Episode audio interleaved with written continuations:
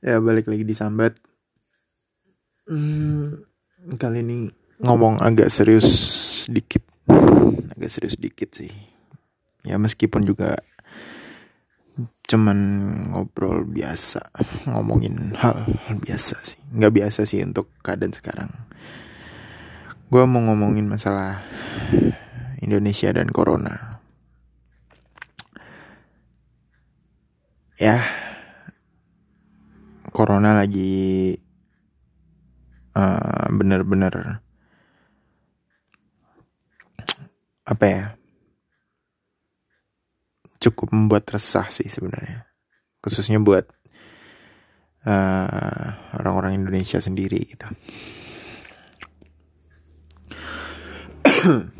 Kenapa gue bilang membuat resah? Karena gue yang anak rantau sampai ditelepon orang tua gue untuk pulang ke rumah gitu. Untuk pulang ke kampung. Nggak kampung sih ke pokoknya ke asal gue itu daerah asal gue dan gue bingungnya adalah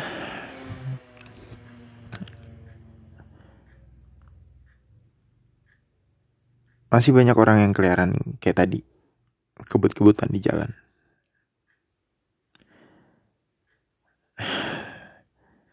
I mean maksud gue gue juga pernah berada di posisi seperti itu gitu loh. Masih kayak mau ngajakin temen gue nongkrong segala macam. Tapi pada akhirnya gue sadar sendiri gitu kalau misalnya ini situasi udah nggak nggak sestabil itu gitu. Udah nggak se, se sebaik itu untuk gue ngajakin teman-teman gue nongkrong gitu.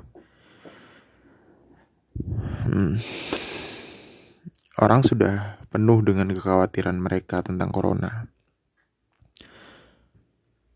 ya jelas aja khawatir karena emang virus baru yang cara kerjanya hampir sama kayak flu biasa gitu. Jadi kadang kita nganggapnya flu, biasa tapi ternyata si corona, gue manggilnya corona aja kali ya. Soalnya kalau COVID-19 terlalu susah untuk gue sebut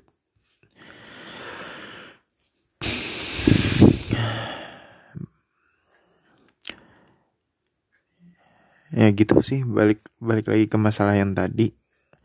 Kalau misalnya corona udah cukup mengkhawatirkan tak ya tolonglah gitu. Lu sudah dihimbau untuk WFH bagi yang kuliah atau yang sekolah mungkin sudah diberlakukan sistem kuliah atau sekolah online atau belajar online. Bahkan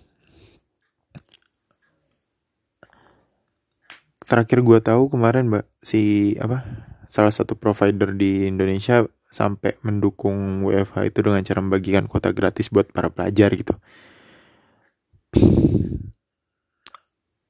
Lu udah dikasih enak gitu loh maksud gue. Lu pada udah dikasih enak dan emang kondisi udah semengkhawatirkan ini jadi please tolong nurut nurut banget kalau lu yang masih tinggal sama keluarga lu tolong cukup apa ya cukup habiskan waktu lu sama keluarga lu. Gini maksud gue dengan adanya himbauan untuk mengisolasi diri sendiri itu gue rasa banyak apa ya banyak positifnya gitu menurut gue selain lu bisa men mencegah dan menghindari penularan dari virus corona sendiri, lu juga bisa lebih punya banyak waktu gitu sama keluarga lu. Dan lu mungkin bisa apa kayak namatin game lu kayak namatin Mobile Legend tuh. Apa enggak namatin PUBG tuh jelajahin semua maps udah lu maksudnya tuh masih banyak hal yang lu bisa lakuin gitu. Kalau gue pribadi gue memikirkan banyak hal. Di sini gue masih belum bisa pulang belum bisa pulang balik ke kota asal gue karena emang dari awal gue nyari apa ya ibarat nyari aman sih gue ngerasa. Karena gue harus ibaratnya gue harus uh, naik kereta dulu untuk sampai ke bandara dan sampai bandara gue harus flight lagi selama satu setengah jam sampai ke kota asal gue dan itu menurut gue penuh dengan resiko gitu.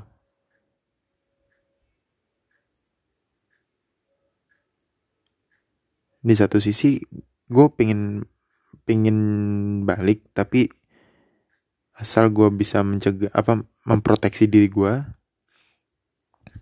tapi di sisi lain gue juga takut. Gue juga takut untuk melakukan perjalanan yang jauh itu. Gue yang lebih gue takutkan adalah oke okay, gue terproteksi misalnya. Gue terproteksi selama perjalanan. Tapi gue nggak tahu apakah gue sampai rumah sampai keluarga gue ketemu gue ngobrol sama gue apa mereka apa gue bisa menjamin keselamatan dan kesehatan mereka gitu loh. Apalagi lu lu yang masih pada nekat gitu pada nekat keluar rumah cuma buat nongkrong cuma buat apa sih gitu loh. Kalau jujur gue keluar kosan sekarang cuman buat cari makan gitu. Kalau gue bisa masak gue bisa masak sendiri. Gue lebih gimana ya? Kalau gue bisa masak sendiri gue lebih milih masak sendiri gitu. Karena karena kita nggak bakal tahu gitu. Kita nggak bakal tahu kita seperti apa.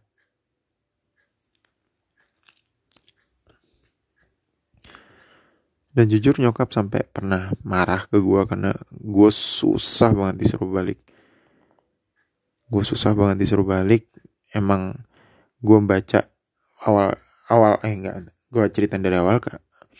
Masalah balik itu nyokap udah nyuruh dari uh, setelah urusan kampus gue kelar. Jadi awalnya gue emang mau daftar wisuda gitu. Dan harusnya jatah jadwal wisuda gue itu bulan April besok tanggal 18 gue daftar selesai minggu ini gue selesai daftar minggu depan gue tinggal ngambil SKL sama toga gue ternyata sebelum masuk minggu depan hari Jumatnya gue dikabarin kalau misalnya uh, wisuda gue diundur dengan alasan itu tadi dengan alasan penyebaran corona segala macam lah itu. Dan gue di situ udah gue nggak tahu harus marah sedih atau kayak gimana gitu kan. Gue cukup sampai di situ dan gue mulai mempelajari corona meskipun dalam tentang waktu itu gue juga masih sering keluar nongkrong segala macam gue tapi gue sambil baca-baca soal ini corona dan gimana himbauannya. Dan ternyata emang udah ada himbauan untuk jangan keluar rumah dulu kalau emang tidak ada kepentingan. Dan kalau bisa jangan bepergian pulang atau bepergian jauh kayak gitu. Kayak pulang kampung mudik segala macam ya situ gue mikir kalau misalnya dari awal dari awal yang himbauan itu gue jadi mikir untuk mengiyakan atau menolak nyokap gue nyuruh pulang gitu. Karena ya emang resikonya gede banget bagi gue dan juga bagi keluarga gue di kota asal gue gitu. Gue mikirnya kayak gitu sih. Dan gue cukup resah sekarang. Hitungannya gue ya gue di sini aman. Maksud gue gue di sini bener-bener ngerasa oke okay, gue cuma keluar cari makan habis itu pulang balik ya nulis skrip buat podcast atau misalnya ngerjain kerjaan gue yang lain gitu. Atau cuma sekedar main game. Gue kayak it's not bad for me untuk stay at home atau stay di kosan doang gitu loh karena for my own for my apa ya for my own safety lah kalau bahasa gue tuh. Untuk keamanan gue juga gitu. Karena emang ini bener-bener hampir setiap saat lu ngobrol lu ketemu orang atau apa lu mendengar orang ngobrol pasti bahasannya corona. Kenapa karena emang udah mengkhawatirkan banget gitu dan jujur setiap kali nyokap marah karena kekhawatirannya ini gue juga bingung untuk menyikapinya kayak gimana. Di satu di satu sisi gue udah bilang kalau gue mau pulang asal uh, eh, gue bisa punya proteksi segala macem gitu. Jadi gue sampai ngomong eh gue ngomong kayak gitu dengan dasar gue aman sama perjalanan gitu jadi seenggaknya gue mau gue berani pulang kalau misalnya gue ngantongin hand sanitizer dan segepok masker lah ibaratnya kayak gitu aja sih. Simpelnya kayak gitu aja karena kita nggak bakal tahu men. Dan untuk sekarang gue masker cuman dapat masker masker yang lu tahu yang dijual di yang di Indomaret tuh yang warna abu-abu. Yang sebenarnya untuk proteksi virus dan bakteri juga dia nggak terlalu bisa ngeproteksi itu gitu loh. Dan hitungannya untuk hand sanitizer gue bahkan nggak dapet. Nggak tahu ya kalau sekarang gue belum ada nyari lagi karena gue bener-bener keluar rum keluar kosan tuh cuma buat nyari makan atau enggak beli air minum di Indomaret. Udah itu doang. Gue nggak gue belum ada nyari lagi masalah hand sanitizer. Bahkan sampai gue waktu yang gue nyari fit apa gue nyari masker dan hand sanitizer itu gue sambil nanya vitamin dan itu pun beberapa tempat stoknya habis gitu. Makanya dari situ gue ragu untuk untuk mengiyakan nyokap gue nyuruh balik itu. Gue bener-bener ragu gitu loh. Gue bener-bener gimana ya ragu banget gitu. Hitungannya gue nggak punya jaminan gue bisa memproteksi diri gue selama perjalanan gitu. Sedangkan perjalanan gue gue harus dari kosan ke stasiun itu paling nggak makan waktu setengah jam atau 45 menit. Ditambah sampai stasiun gue harus nunggu eh gue harus beli tiket nunggu segala macem. Dan perjalanan dari dari stasiun sampai ke eh, dari stasiun awal ke stasiun akhir itu paling nggak satu jam dan dari stasiun sampai ke bandara itu paling 45 menitan. Dan dari bandara sampai ke kota gua itu flight satu jam setengah. Dan gua termasuk orang yang gila atau udah nggak waras. Kalau misalnya perjalanan sejauh itu gua nggak bisa menjamin diri gua aman. Dalam dalam artian aman dari virus ini gitu loh. Gue nggak mikirin gue nggak cuma mikirin diri gue sendiri. Karena sampai di sana gue juga ketemu keluarga gue. Yang mana juga gue masih punya ponakan yang masih kecil-kecil dan gue nggak nggak bisa setega itu untuk kalau misalnya lihat mereka sakit. Karena mungkin gue yang bawa gitu. Gue nggak bener-bener nggak berani gitu. Dan makanya gue cuman gimana ya gue cuman menerima nyokap marah-marah doang pada akhirnya akhir-akhir ini sih. Nyokap kayak tadi siang nyokap nelpon suruh nyari tiket plus segala macem. Gue cuma iya iya iya doang tapi gue ya udah gue ca gue nyari juga tapi ternyata emang ada masalah juga sih kayaknya. Gue nggak tahu emang ada akses yang ditutup atau kayak gimana karena emang gue nggak nemu jadwal keretanya untuk berangkat dari stasiun A ke stasiun deket ini deket bandara gue dan mungkin untuk sekarang gue kalau misalnya gue hmm, gue nggak balik ya mungkin kayak gini aja sih kerjaan gue ngepodcast apa ah ya ngobrol-ngobrol sama lu semua berbagi keluh kesah gue sama lu semua. Tapi seenggaknya gue ngerasa gue aman gitu dan untuk masalah orang-orang yang masih nekat keluyuran apalagi nongkrong apalagi apa ya kayak bersosial segala macam jujur sebenarnya itu gimana ya? Itu urusan lu sih sebenarnya. itu urusan lu. Perkara-perkara yang kena juga lu. Tapi gue nggak bisa, gue nggak bisa seperti itu. Gue nggak. Orang-orang pun nggak bisa seperti itu gitu loh. Karena kalau kita main egois egois egoisan untuk kondisi yang seperti ini kita nggak bisa gitu. Karena apa? Karena penyebarannya yang kita nggak bisa lihat gitu.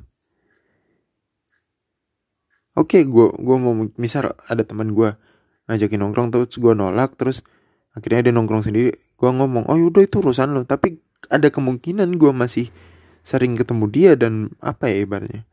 Ya kontak fisik sama dia atau mungkin ya ya cuman sekedar ngobrol-ngobrol itu bisa terjadi penularan juga gitu loh. Jadi makanya untuk senggar untuk sekarang ya mungkin gak bisa untuk egois egoisan sih. Tapi di satu sisi kita nggak bisa egois nggak bisa bersikap egois. Di satu sisi kita juga susah untuk bilangin gitu loh. Buktinya apa? Kalau misalnya lu main Instagram main ya sejenis itu atau mungkin lihat YouTube segala macam nonton YouTube segala macam gitu. Di situ jelas banget beberapa public figure emang udah bikin video ngegas soal orang-orang yang masih nekat keluar ini gitu loh. Iya, gue suka gitu ngeliatin mereka gitu. Karena karena mungkin untuk kondisi seperti ini untuk orang-orang yang ngeyel butuh banget orang-orang ngegas untuk ngingetin mereka. Karena gue rasa kalau misalnya kita ngasih himbauan apa ya menye-menye kayak gitu ya mungkin cuma dianggap angin lewat sama mereka. Tapi ya ya gue gue nggak tahu juga sih. Gue nggak bisa menjamin juga dengan teguran keras juga mereka bakal bisa sadar atau enggak gitu. Karena gini loh bro bro yang masih pada nongkrong yang masih pada mungkin dengerin podcast gue yang yang dengerin podcast gue tapi masih pada nongkrong gitu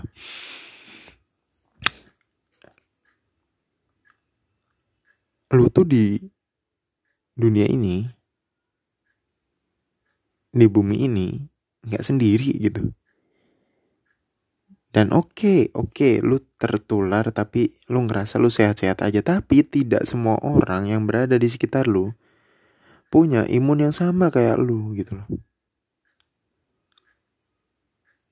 Apalagi kalau misalnya lu masih tinggal sama orang tua lu dan di situ masih ada adik lu yang kecil gitu mereka akan sangat mudah untuk tertular karena bisa jadi imun mereka tidak sekuat lu gitu loh. Ya, ya lu ya lu boleh bangga kalau misalnya lu lu boleh bangga dengan kesombongan lu yang layaknya Fir'aun kayak gitu ngomong gue gue nongkrong tiap hari tapi gue nggak ketularan oke lu bisa sombong kayak gitu tapi ingat lu nggak tahu lu tuh bukan yang nggak bukan yang nggak tertular atau bukan nggak terjangkit. Cuma lu tuh nggak tahu. Lu nggak tahu apa lu udah terjangkit apa apa ter, apa udah tertular. Jadi please lah.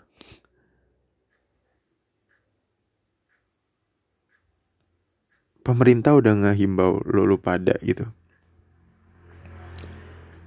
Untuk stay di rumah aja WFH kuliah online, belajar online, sekolah online. Tolong dijalanin gitu. Tolong dijalanin dan please pemerintah udah ngasih ini ke lu. Jangan sampai lu yang langgar dan lu kenapa-napa. Dan akhirnya lu nyalain pemerintah.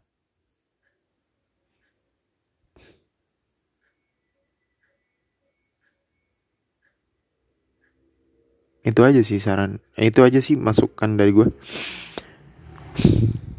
karena karena emang susah sih. Ibarnya ibaratnya gini deh lu lu pacaran aja tuh susah untuk nyatuin dua argumen yang berbeda gitu. Apalagi ini gitu.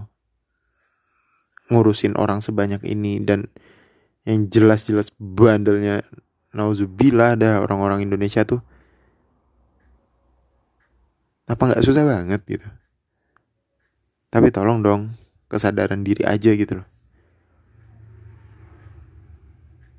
Kesadaran diri kalau emang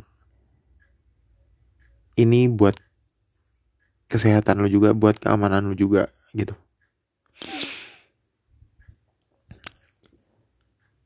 Dan please stop blaming pemerintah karena kebodohan lo sendiri gitu.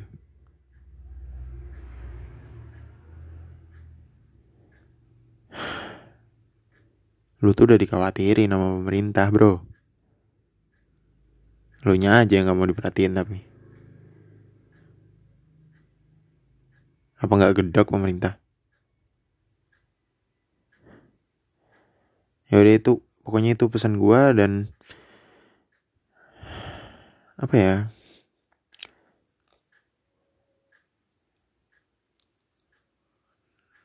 Dan kabar terbaru sih katanya pemerintah udah dapat bantuan untuk cek massal sih. Maksudnya alat untuk cek massal rapid test kayak gitu.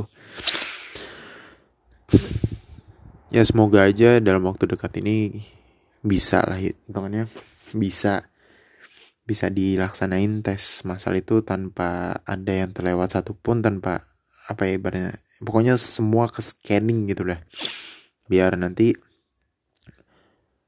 uh, tindak lanjutnya seperti apa ya kita memutus rantai penyebaran aja intinya sih.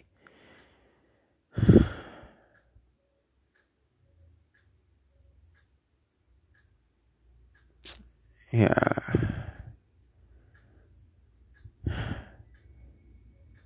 Sebenarnya gue juga takut sih.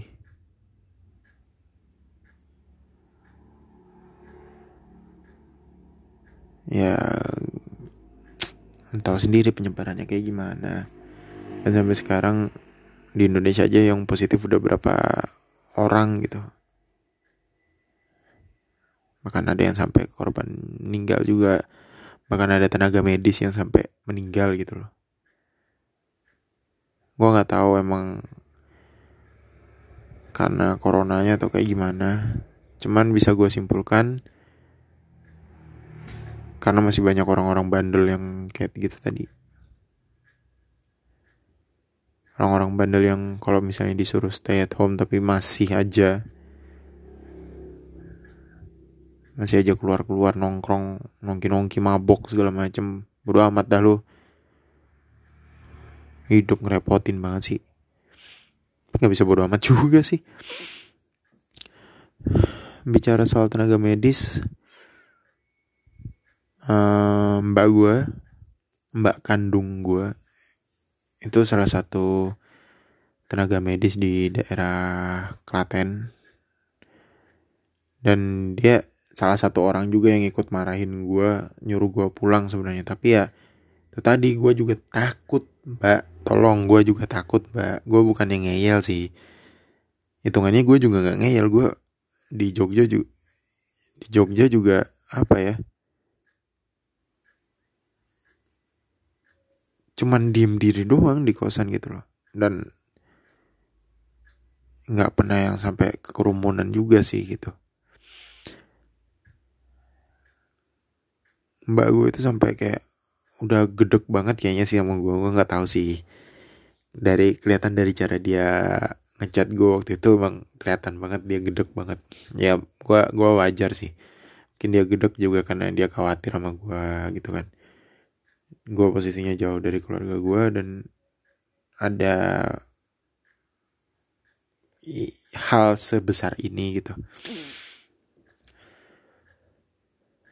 Uh, mbak gue itu yang seperti gue bilang tadi dia salah satu tenaga medis gitu di Klaten. Dan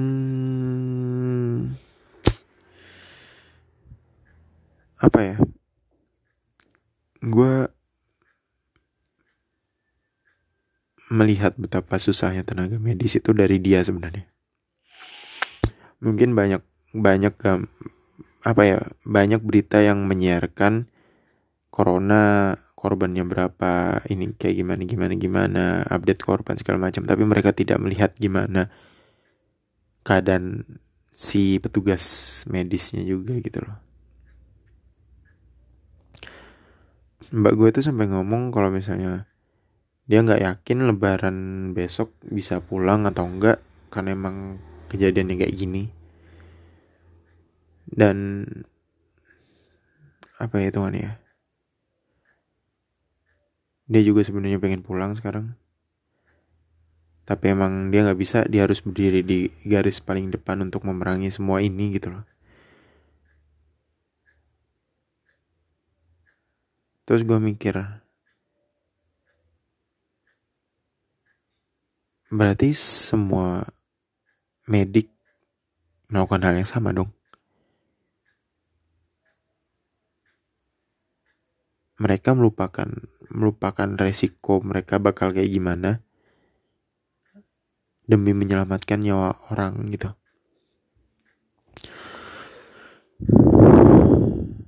Salut sih gue. Hitungannya kayak di Wuhan aja tuh sampai beberapa perawat wanitanya sampai menggundulin rambut mereka tahu? Karena emang si virus ini bisa bertahan di bulu-bulu halus di badan lo atau di rambut lo kayak gitu gitu dan gue ngelihatnya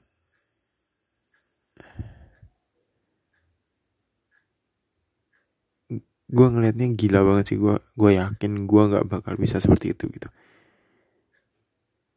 maksud gue lu harus siap dengan resiko apa pun yang bakal terjadi sama lu demi menyembuhkan orang yang mungkin menularkan itu ke lu gitu loh. Yang menyebabkan resiko itu ke lu gitu.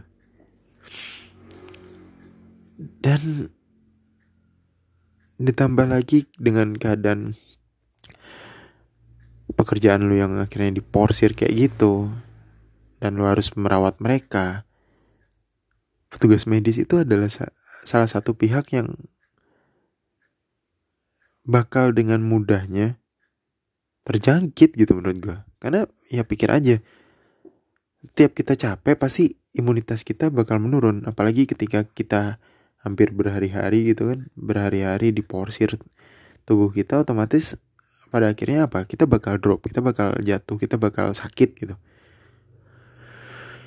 Apalagi mereka gitu apalagi mereka sih petugas-petugas medis ini loh. Para medical person apa sih bahasanya ya, ya pokoknya orang-orang medis ini gitu. Mereka ngelawan ini semua udah dari day one corona ngancam Indonesia gitu. Until now. Dan ada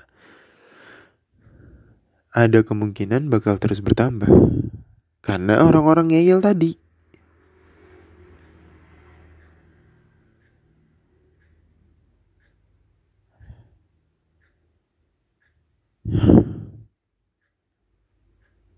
Jadi tolong banget. Ketika lu ngeyel lu paksa diri lu untuk tetap keluar rumah tetap hitungannya tetap nongkrong sama teman-teman lu tolong. Jangan mikirin kesenangan lu doang gitu.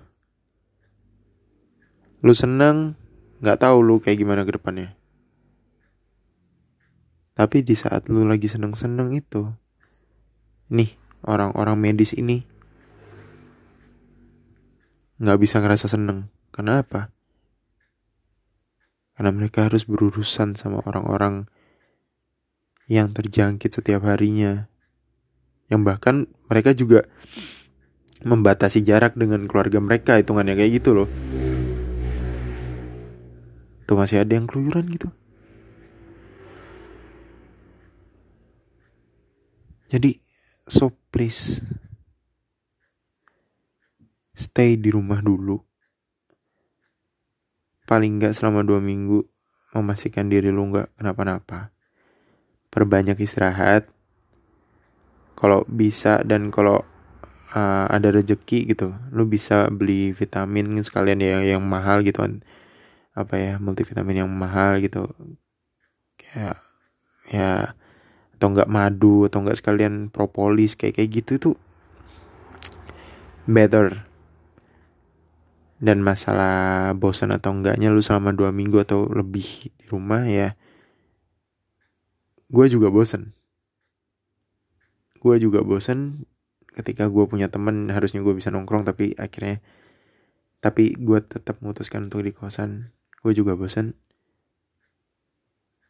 dan harusnya ketika lu ngerasa bosan lu tahu apa yang harus lu lakuin tapi masih dalam batas lingkup itu gitu loh. Maksud gue tuh carilah hiburan yang gak harus keluar gitu loh. Yang gak harus keluar dan ketemu orang banyak. Lu bisa ngapain? Lu bisa bikin blog? Lu bisa cerita cerita di blog lu. Lu bisa nulis buku? Lu bisa ngelukis lu bisa belajar masak buat yang cewek-cewek ya kan banyak hal yang bisa dilakuin untuk hindarin bosan itu. Jadi untuk sekarang untuk sekarang sih gue cuma bisa mesen sama kalian semua kalau emang gak ada keperluan apa-apa kalau udah kantor kalian nerapin WFH ya udah. Kerja aja di rumah. Banyakin istirahat. Hindarin dulu aktivitas di luar rumah kalau emang tidak perlu gitu. Terus hmm, kalau bisa tadi konsumsi vitamin dan madu atau apa itu bagus banget kalau emang lu itu.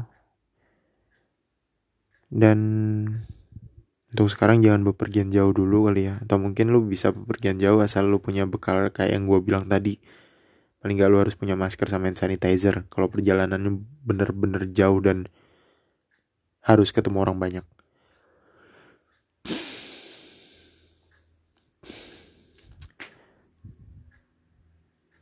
Bumi lagi nggak baik-baik aja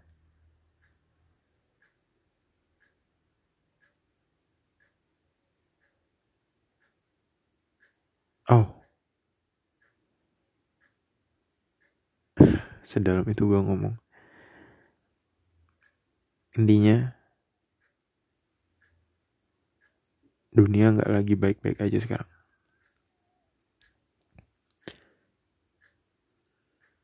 Jadi jangan tambah membuat kekacauan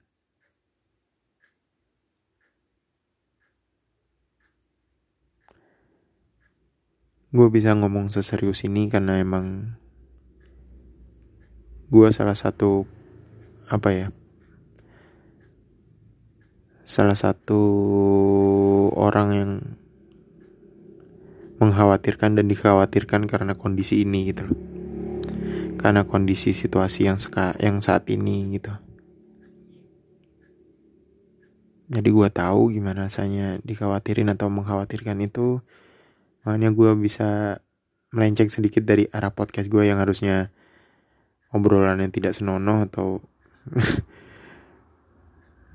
nyablak sana sini untuk cuma sekedar ngasih tahu dan ngebantu untuk um, mengurangi tingkat kekhawatiran kita semua gitu.